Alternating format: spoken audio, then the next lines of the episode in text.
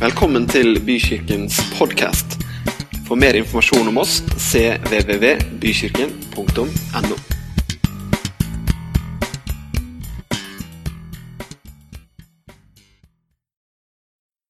Takk, kjære Jesus, for at vi får lov å være her, Herre. I ditt lys, i din fred og i din, ditt nærvær, Herre. Takk, Gud, for at du har så mye for oss, Herre. Takk for at vi kan få lov til å komme til deg, Herre, med forventning om at du har mer, Jesus. Amen. Jeg vet ikke om det var flere enn meg som kunne godt stått her og hørt på denne lovsangen og vært deltatt i den litt til. Alltid være litt sånn kjipt å være den som avbryter sånne fine stemninger. Jeg har tatt med meg eh,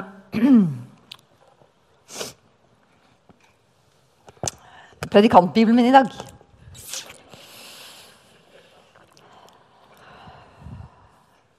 Jeg vet ikke hvordan det er med dere, men eh, jeg liker veldig godt symbolikk. Eh, og når Jeg kjørte hit i dag, jeg har alltid litt sånn strev med å holde fartsgrensen. og jeg burde kanskje ikke si Det høyt, men det er litt vanskelig å kjøre i 60 den lille strekningen her. Men man innimellom føler at man er litt sent ute. Men i dag så eh, tror jeg jeg var litt under fartsgrensen, for det var et helt fantastisk lys som skinte. Flere som så det? Ja? Det var, det var helt magisk. Eh, og sånn er det jo bare Gud som kan skape. Eh, og dette her er også litt symbolikk for meg, da. Dette, denne, denne her den fikk jeg til konfirmasjonen min eh, fordi jeg eh, ønsket meg en engelsk bibel og ikke en norsk. Den fikk jeg når jeg sto her.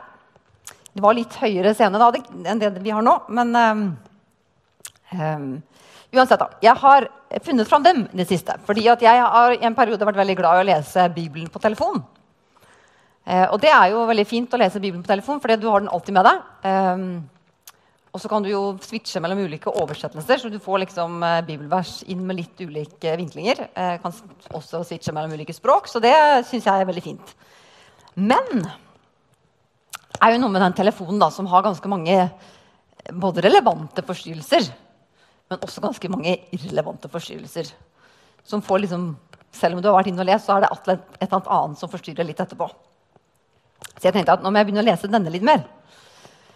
Eh, den fysiske. Men så er det jo noe med den fysiske størrelsen og vekten. Da, den, er, den, veier litt. Eh, og så er den jo full av masse forskjellige sånne ting inni her. Så det er jo mye historikk, ikke minst. Og det er litt ekstra fint. Men det er noe med den der statementet og påminnelsen i hva faktisk den boka her betyr. Derfor så har jeg den her i dag, fordi den gir meg litt sånn frimodighet. Og det er fint å ha. Jeg har eh, satt overskriften for denne prekenen til 'motstandskraft og utholdenhet'. Og det er noe jeg har tenkt mye over eh, ja, kanskje det siste halve året.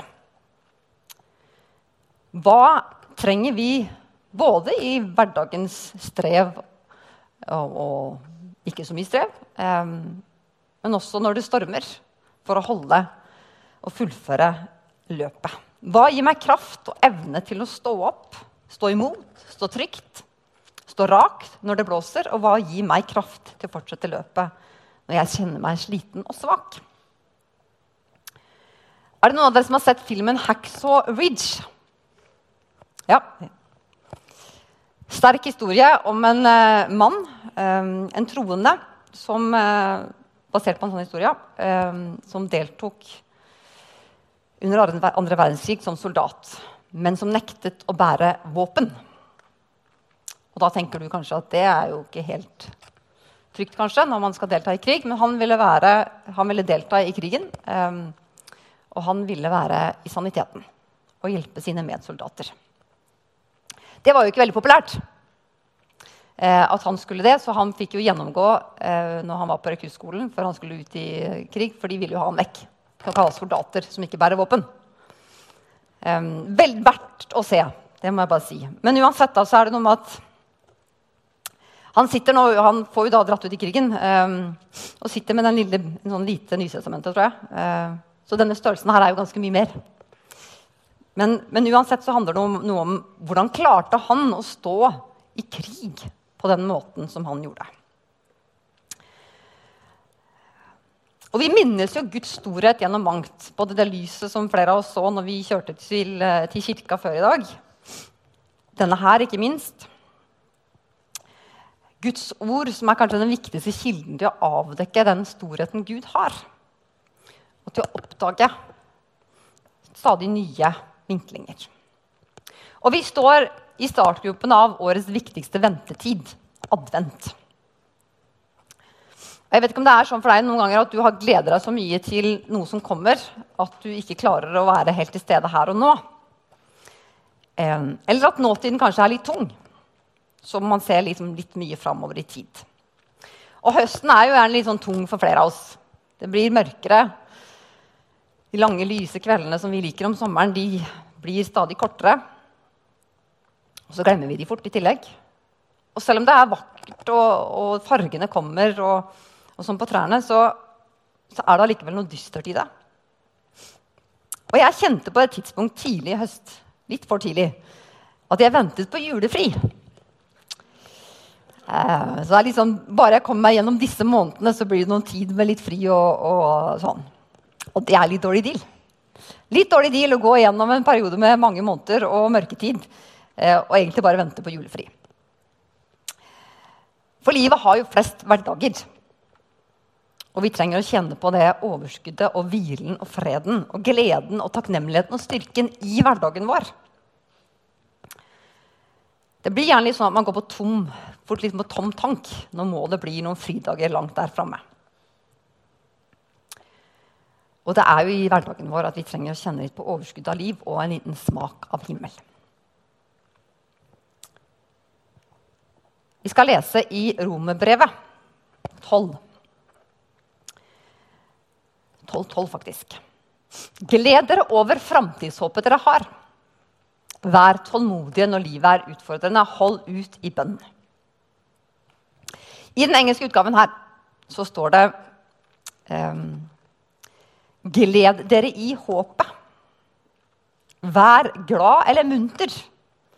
Eller oppløftet i forventning, er min overtolkning av det. da. Cheerfully expecting. Oppløftet i forventning det er noe med den derre oppløftetheten. Kanskje litt det lille barnet på julaften som bare fyker rundt og ikke klarer å vente på å åpne pakkene. Det bobler, det sitrer. Og det er egentlig sånn glede Gud vil at vi skal ha.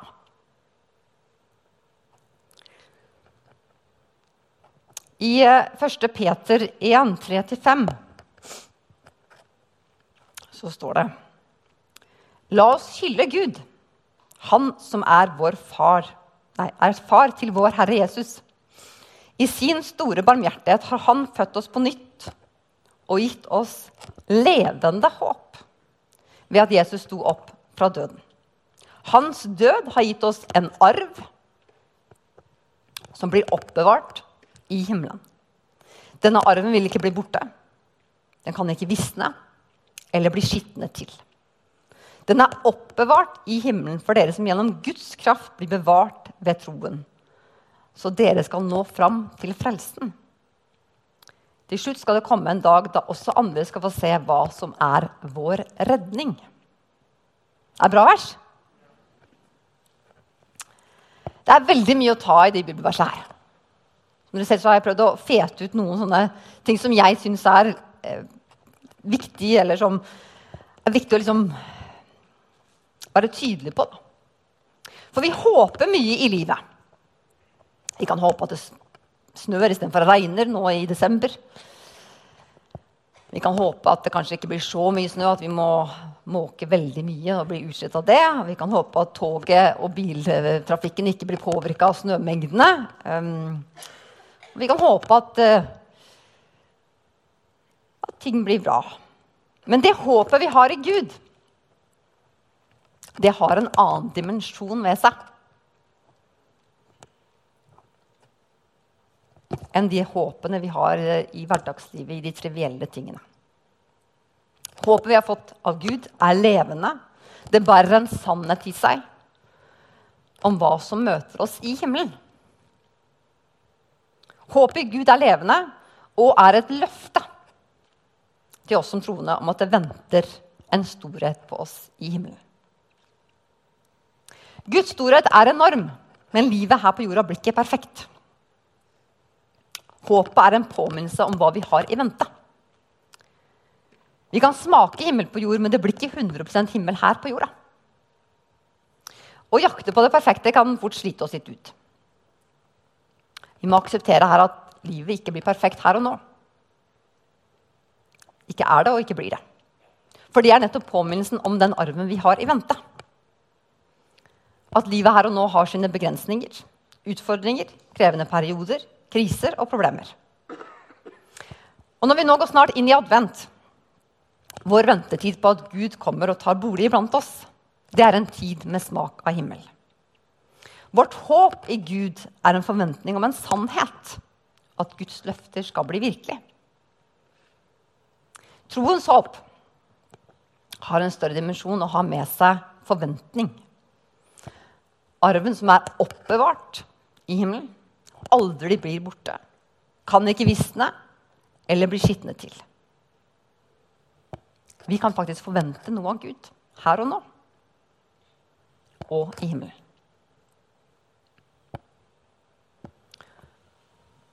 Noen som vil lese det sammen med? Eller kan vi få med hele, hele gjengen på å lese det sammen, kanskje? La oss hylle Gud, Han som er vår far til vår Herre Jesus. I sin store barmhjertighet har Han født oss på nytt og gitt oss levende håp ved at Jesus sto opp fra døden. Hans død har gitt oss en arv som blir oppbevart i himmelen. Denne arven vil aldri bli borte, og den kan ikke visne bort eller bli skitnet til. Den er oppbevart i himmelen for dere som gjennom Guds kraft blir bevart ved troen. Så dere skal nå fram til frelsen. Til slutt skal det komme en dag da også andre skal få se hva som er vår redning.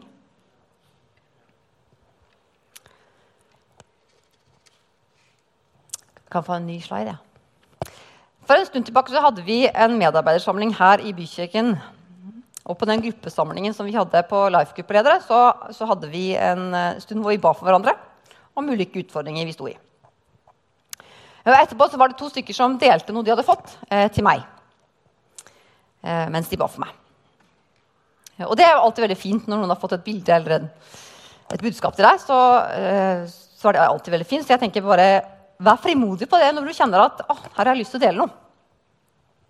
Uansett, Det ene var et bilde av en brønn med et lokk der budskapet var at det var mer å hente av påfyll. Eh, jeg ble gående og tenke litt på det bildet her. Um, og så meg selv stå og dra i dette lokket.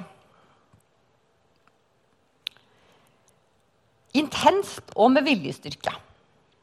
Og det jeg ikke har av krefter sånn fysisk eller muskelmessig, det tar jeg igjen i viljestyrke. Um, jeg ser meg selv bruke de kreftene jeg har, men det lokket rar seg ikke rikke.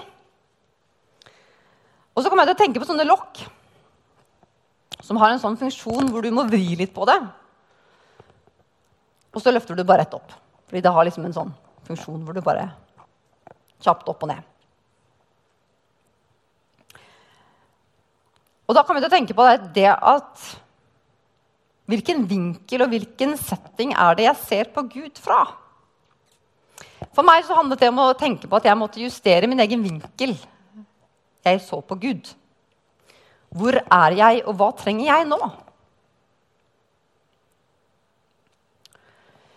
I Isaiah 9,6 så står det For et barn er oss født, en sønn er oss gitt. Herreveldet er lagt på hans skulder. Han har fått navnet Underfull rådgiver, veldig Gud, evig far, fredsfyrste.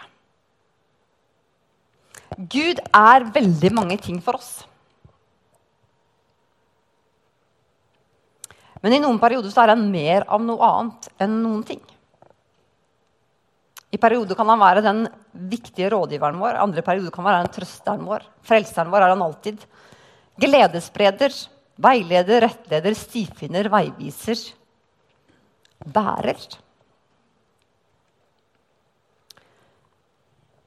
Jeg kjenner en, en kul dame eh, fra Island som jobber med forebygging blant barn og unge. Eh, og På Island tok de et oppgjør på slutten av 90-tallet med eh, en kultur der rusbruken hadde steget betraktelig. Eh, hun pleier å holde foredrag, og da er det ofte at foreldre kommer til henne og sier at de er bestevenn med datteren eller sønnen sin. Og da pleier hun å bli ganske oppgitt.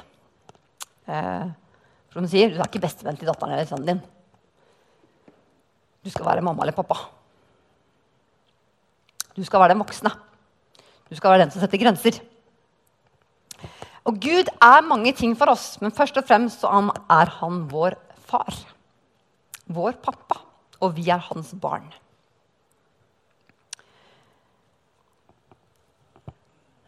Og selv om vi kan si at Jesus er bestevennen vår, så er han ikke bestevennen i kategorien vi bærer hverandre i perioder. Han bærer alltid oss. Så dette handler først og fremst om hva ber vi om, og hvordan søker vi Han? I forrige uke så, så minnet Bent Ove oss om at um, vi trenger ikke å streve for å oppnå den hellige standarden Gud har. For når vi tror, så har vi mottatt frelsen. Og det medfører at alt som er gjort, og vi kommer til å bli gjort, eller vi kommer til å gjøre, det er satt en strek over. Men jeg tror vi trenger å fornye vår relasjon med Gud. Basert på hvor vi står i livet, og hva vi trenger her og nå. Vi er alltid Guds barn. Men, så, men som Guds barn så trenger vi perioder ulike ting. Vi trenger glede, hvile, råd og veiledning. Noen ganger så trenger vi alt på en gang. Men skal jeg ha motstandskraft og klare å bygge en beskyttelse rundt meg, så krever det altså at jeg har en bevissthet til enhver tid på hva jeg trenger. Og samtidig våge å be om det.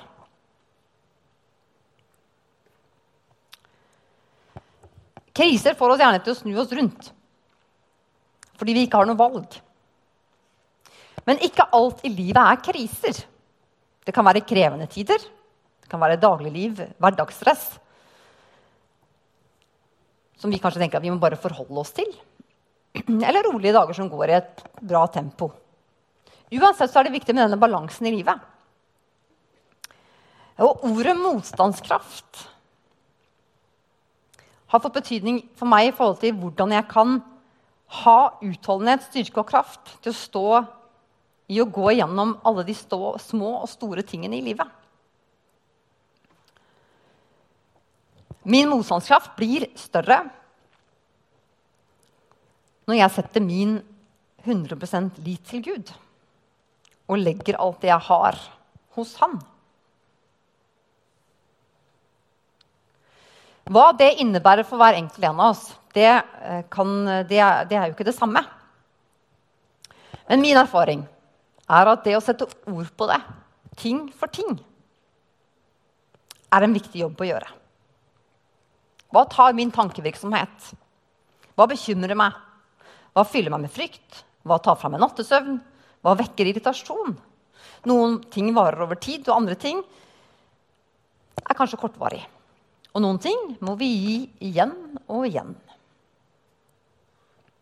Men alt har uansett sin funksjon i å legge hos Gud. Og han, han, har sagt at vi kan det. Vi kan legge det ved korset hver eneste dag og jobbe for å ikke plukke det opp igjen. Og så er det ganske menneskelig da, å plukke det opp igjen. Så da gjelder det å legge det ned igjen. Min motstandskraft er også proklameringen av sannhet. Håpet om Guds løfter. I Romerbrevet 5,4 så står det derfor klager vi heller ikke over livets motgang. Vi vet at motgang i livet gir oss tålmodighet. Tålmodigheten gir utholdenhet, og den trener oss i å ha et aktivt håp. Det gjør oss faste i troen, slik at vi er faste i håpet om det evige liv. Dette håpet vil aldri gå over i skuffelse, for Gud er trofast. Og han har gitt oss en hellig ånd, som fyller hjertet vårt med kjærlighet. Denne uken feirer eh, amerikanerne thanksgiving. Eh, og vi skal ha vår egen kvinnekveld eh, på onsdag, som jeg håper at alle kvinnene her kommer på. Eh, under eh, overskriften 'takknemlighet'. Er det noe jeg er takknemlig for, så er det nettopp det gudgitte håpet. Og løftet om at uansett hva som skjer rundt oss, så står noe fast. Dimensjonen av det overnaturlige som er en kraft som kommer til syne i våre liv. Når vi leser det verset her, så er det noen dimensjoner i det som, som man blir oppløftet av. Altså Jeg som er utålmodig, jeg sliter jo litt det der med det der med tålmodigheten der. Men, men, samtidig så blir jeg litt sånn Ja, ja, jeg får stole på det. Jeg blir mer tålmodig.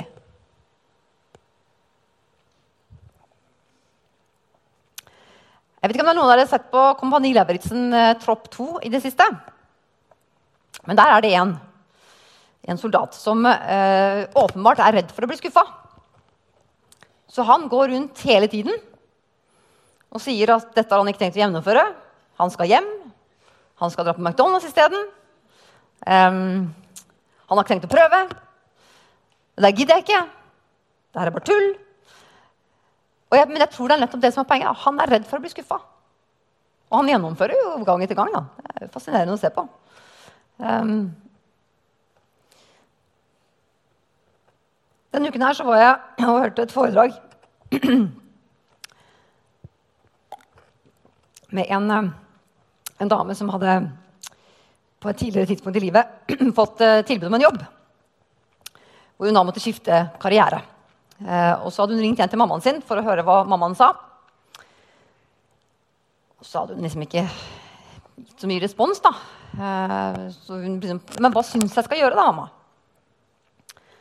Og så hadde hun svart at hvis du ikke dauer av det, så kan du jo prøve. Um, nå er ikke vi så redd for å dø her i denne forsamlingen. Um, men det sier allikevel noe om livsholdningen. Vi har jo en tendens til å tenke at oh, nei, det er veldig skummelt. Og jeg tror at for å sikre oss selv sterkest mulig motstandskraft og utholdenhet, så hjelper det å være optimistisk. Tenke positive tanker. Og til det så kommer jeg ofte, ofte tilbake til salmene som et godt inspirasjonssted. Jeg syns Salme 27 er en, eh, en, bra salme som forteller mye om hele livet. Eh, med både bølgedaler og strake sletter og høye fjelltopper. I starten så står det Herren er mitt lys og min frelse. Hvem skulle jeg være redd for? Herren er mitt livs vern. Hvem skulle jeg frykte? Jeg syns det er litt sånn nonsjalant tone her. Guds storhet. David er litt sånn hvem, hvem, er du som forsøker å true meg? Jeg har han der oppe på laget.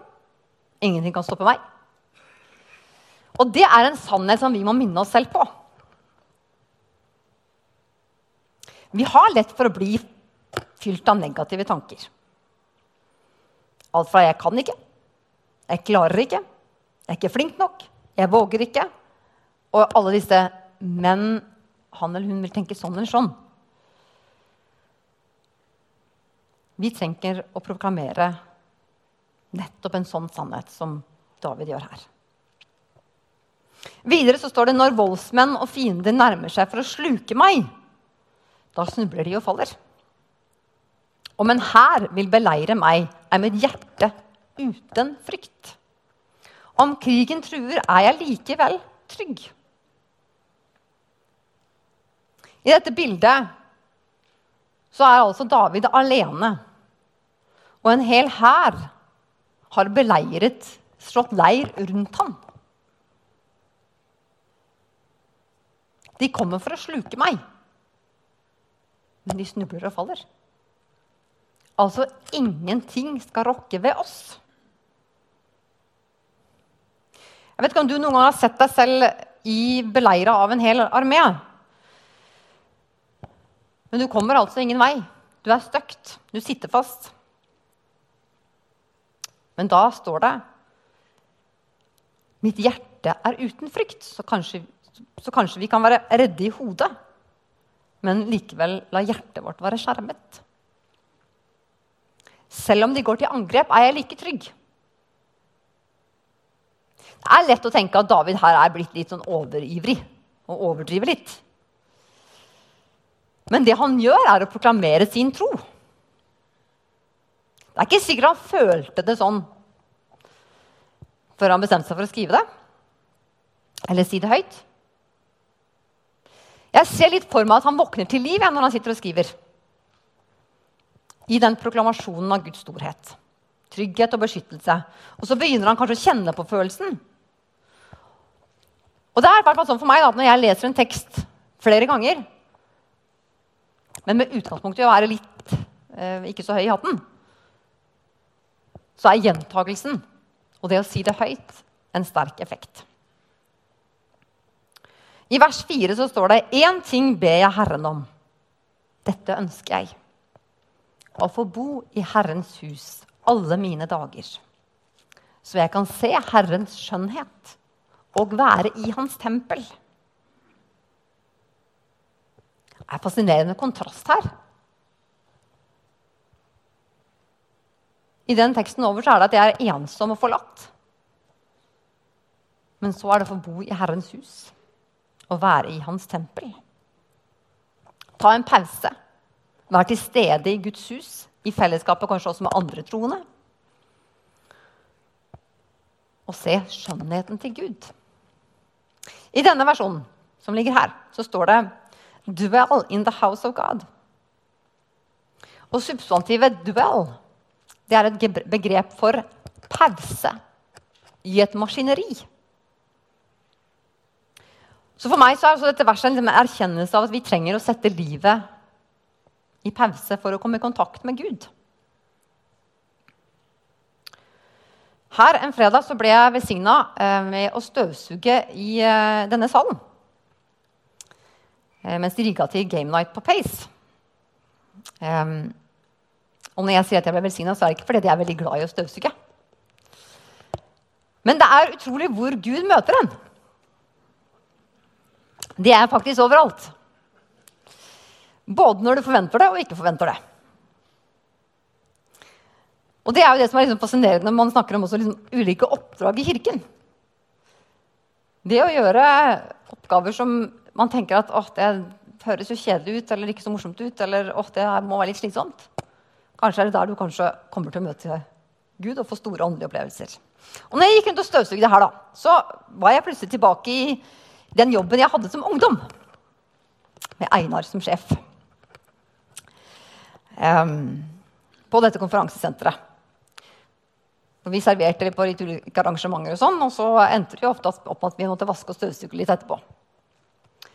Og det som var veldig fint da, med den tiden, det var jo at vi fikk veldig mye gode samtaler. Um, og gjerne åndelige samtaler òg.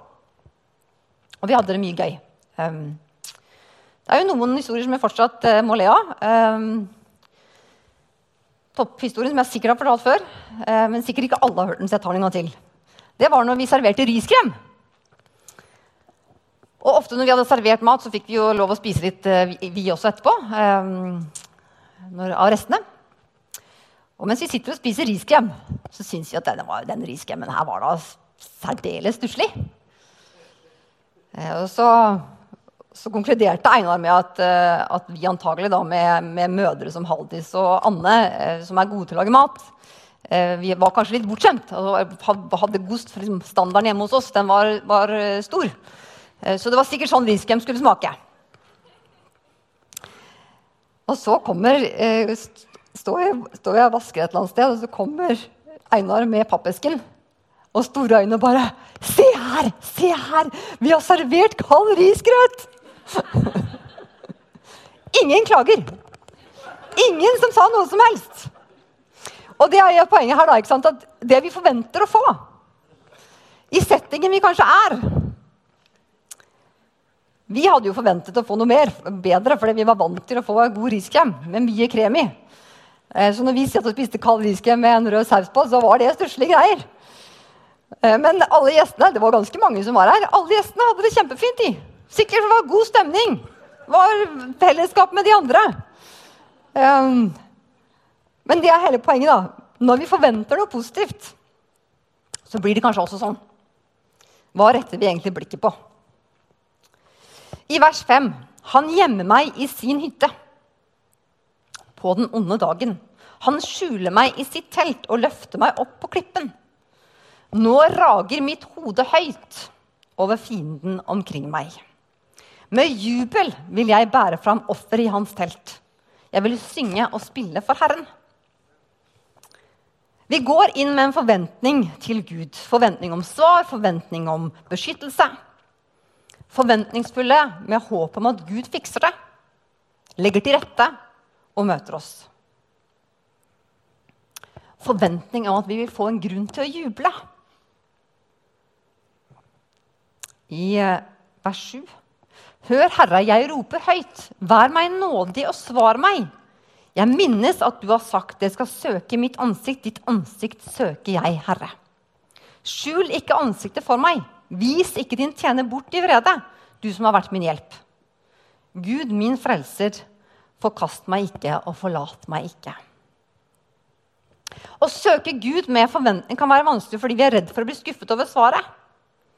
Annelin snakket uh, i innledningen i dag om Martha og Maria som var skuffa over svaret som kom på feil tidspunkt. Sannheten er at vi ikke nødvendigvis får det svaret vi hadde tenkt. Men han svarer likevel, og vi kan stole på akkurat det.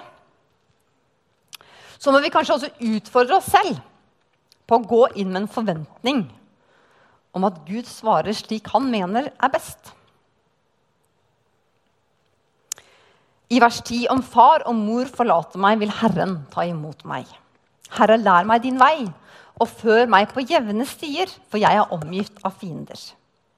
Så kan vi også be om at Gud skal gi oss visdom og rettlede oss dit han vet best at vi bør gå. Og i vers 12.: Gi meg ikke over til grådige fiender, for falske vitner står opp mot meg, menn som truer med vold.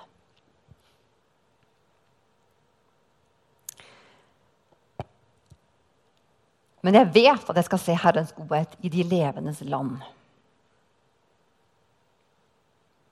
Eller som det står i en annen oversettelse Jeg hadde mistet motet om jeg ikke hadde trodd at Herren skulle vise meg sin godhet. Det forteller meg at vi ikke må slutte å gå inn med forventning til Gud. For da kan vi både miste håp og mot. Og Guds godhet vises på mange vis. Så vi må gå inn med en forventning om at han skal svare og se etter svaret hans. Og den siste delen av Salme 27 som lyder Sett ditt håp til Herren. Vær frimodig og sterk. Ja, sett ditt håp til Herren. Eller stol på Herren og vent på hjelp fra Han. Han skal gi ditt hjerte styrke. Eller vent på Herren. Eller òg vent på Herren, selvfølgelig.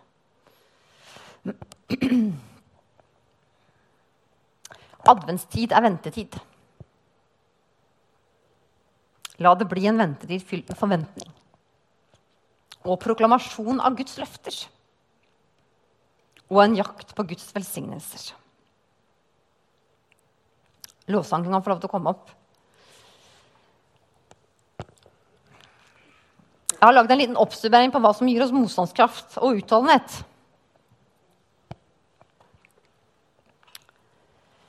Jeg tror vi trenger å holde fast på det levende håpet om at vi har en arv i himmelen. Og vi trenger å programmere de løftene Gud har til oss.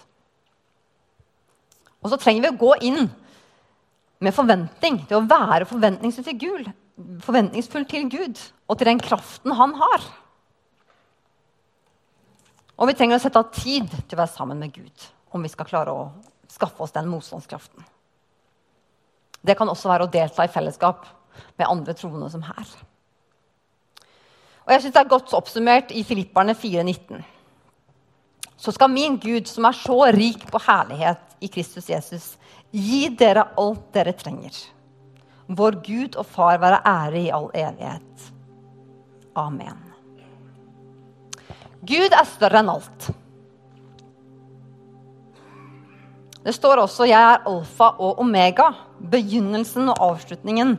Han som var og som er, og som kommer, den allmektige.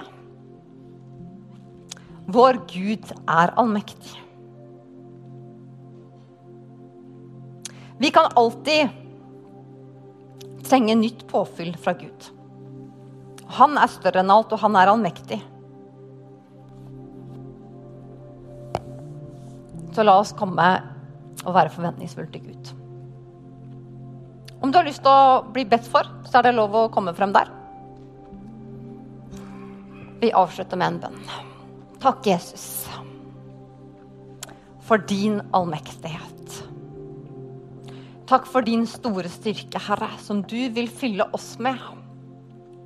Takk for din nåde, Herre, i enhver tid. Takk for din glede, Gud, som du kan fylle oss med. Takk for din kjærlighet i våre hjerter, Herre. Må du fylle oss med alt det vi trenger. Du har mer for oss. Takk for at vi med forventning kan motta mer fra deg, Herre. Amen.